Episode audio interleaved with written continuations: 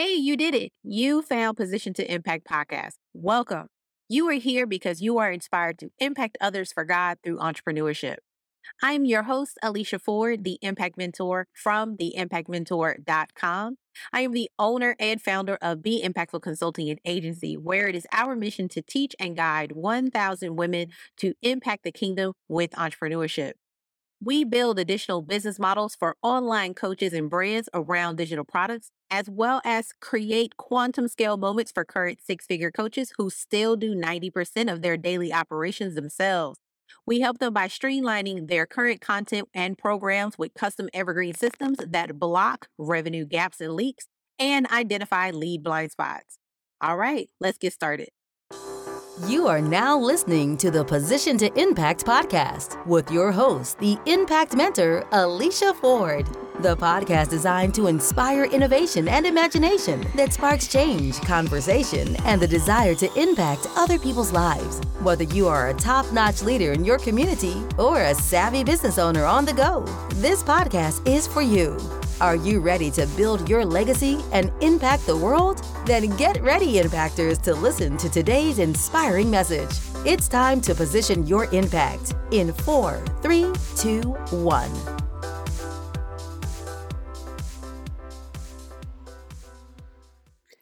And we're back.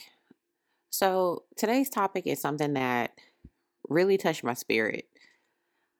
I remember I was sitting on my bed just looking out the window and just having quiet time with God and just mentally asking him a few questions, things that have been happening recently, things that I was dealing with and just laying at his feet. And what came up was the impact of self perception. But I'm going to give it to you in a different way of looking at it. So, most of the time, when you self perception. Most people are talking about how you view yourself, but they're telling you to view yourself as this power, as this person who is strong or the person who is wealthy, changing the way you view yourself so that you can obtain certain things or you can achieve certain things or uh, so that you can empower and encourage. And my viewpoint of it is I agree with everything, but I think sometimes we don't spend enough time looking at what we currently think of ourselves. And there is true power in how we perceive ourselves. And when they tell you, oh, don't care about what people think of you. And as someone who is a recovering people pleaser, that is very hard to tell some, to tell me. Okay, I can speak for me. It's, it's very hard to tell me, oh, you should stop caring about what other people think. Like I can turn it off, like it's a switch, right? Oh, yeah, I never thought of that. of course I have. But the issue that I've had, and I'm sure uh, other people have struggled with it or currently are struggling with this, is you do care to your own detriment because you have not put the value of how you perceive yourself above the value of what others perceive of you or their perception of you. And just to be completely transparent. So, weight loss has been something that I have truly struggled with. I have been overweight pretty much majority of my life. There was a stage where I had lost 40 pounds and I was the healthiest I had ever been. But due to a change in jobs, extreme stress, I gained it all back. And then some, right? And since then, it has been very difficult to lose the weight again. And what ended up happening is that I started to tell myself a story that this is really hard you can't do this. Or you just need to do the things that you used to do. The things that you did to lose the weight the first time, just go back and do them again. And not taking in consideration that at the time that I was able to lose those 40 pounds, my circumstances were completely different. the responsibilities that I had were completely different. I didn't even have a business at that time. I was just a regular employee. And so when I got off of work, I had more time. So really, weight loss became a hobby. Fast forward, I was an employee, but I also ran a business and I also had clients. So now my business is my hobby. So now I don't have the time, the mental space, and the energy required to put in that effort to lose the weight because dealing with things at work, supporting my clients took a lot of energy. And I just didn't have enough energy to put towards myself. Fast forward even more, I'm now no longer an employee, I'm a full time entrepreneur, but now I have even more responsibilities. I have team members, I have more clients. My packages and services are completely different from then when I was still working and running a business. So now, because I no longer have the employeehood, I was able to create services that hold a deeper container for my clients.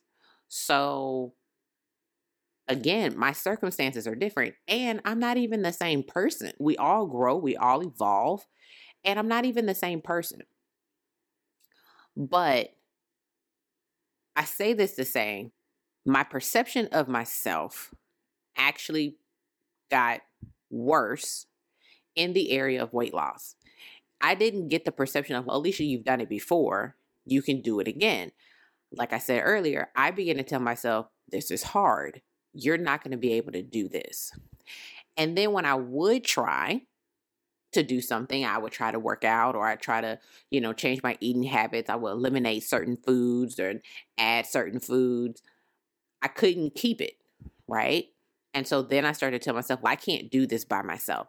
I'm going to need a trainer. I'm going to need a nutritionist. I'm going to need some sort of accountability. I need to join Weight Watchers again because that's how I lost the 40 pounds the first round. So let me join Weight Watchers again. And I, because I still had the story or the perception of myself, like Alicia, you can't do this by yourself. You're, I'm just going to say it, you're weak in this area. This is not a strong area for you. And especially since now your energy and your mindset and your focus is on something else, this is going to be difficult. You're going to have to find energy. And the perception that I have for myself and the perception that you have of yourself is either going to hinder you or push you forward. You hear many stories about people who've made it, right? Who we think have made it. If you listen to some some of your favorite celebrities, they'll tell you, "Oh no, like I knew I wanted to be an actor. I knew I wanted to be an actress, and I just pushed. I didn't care if I didn't get the part. I didn't care if they critiqued me, if, I, if they told me I was horrible. I knew that I was going to be an actor or an actress, or I knew I was going to be an entertainer, or I knew I was going to be a singer, or I just knew. And then, but everybody's not like that. You have a hope. I know I am. Like, I have a hope that something will happen.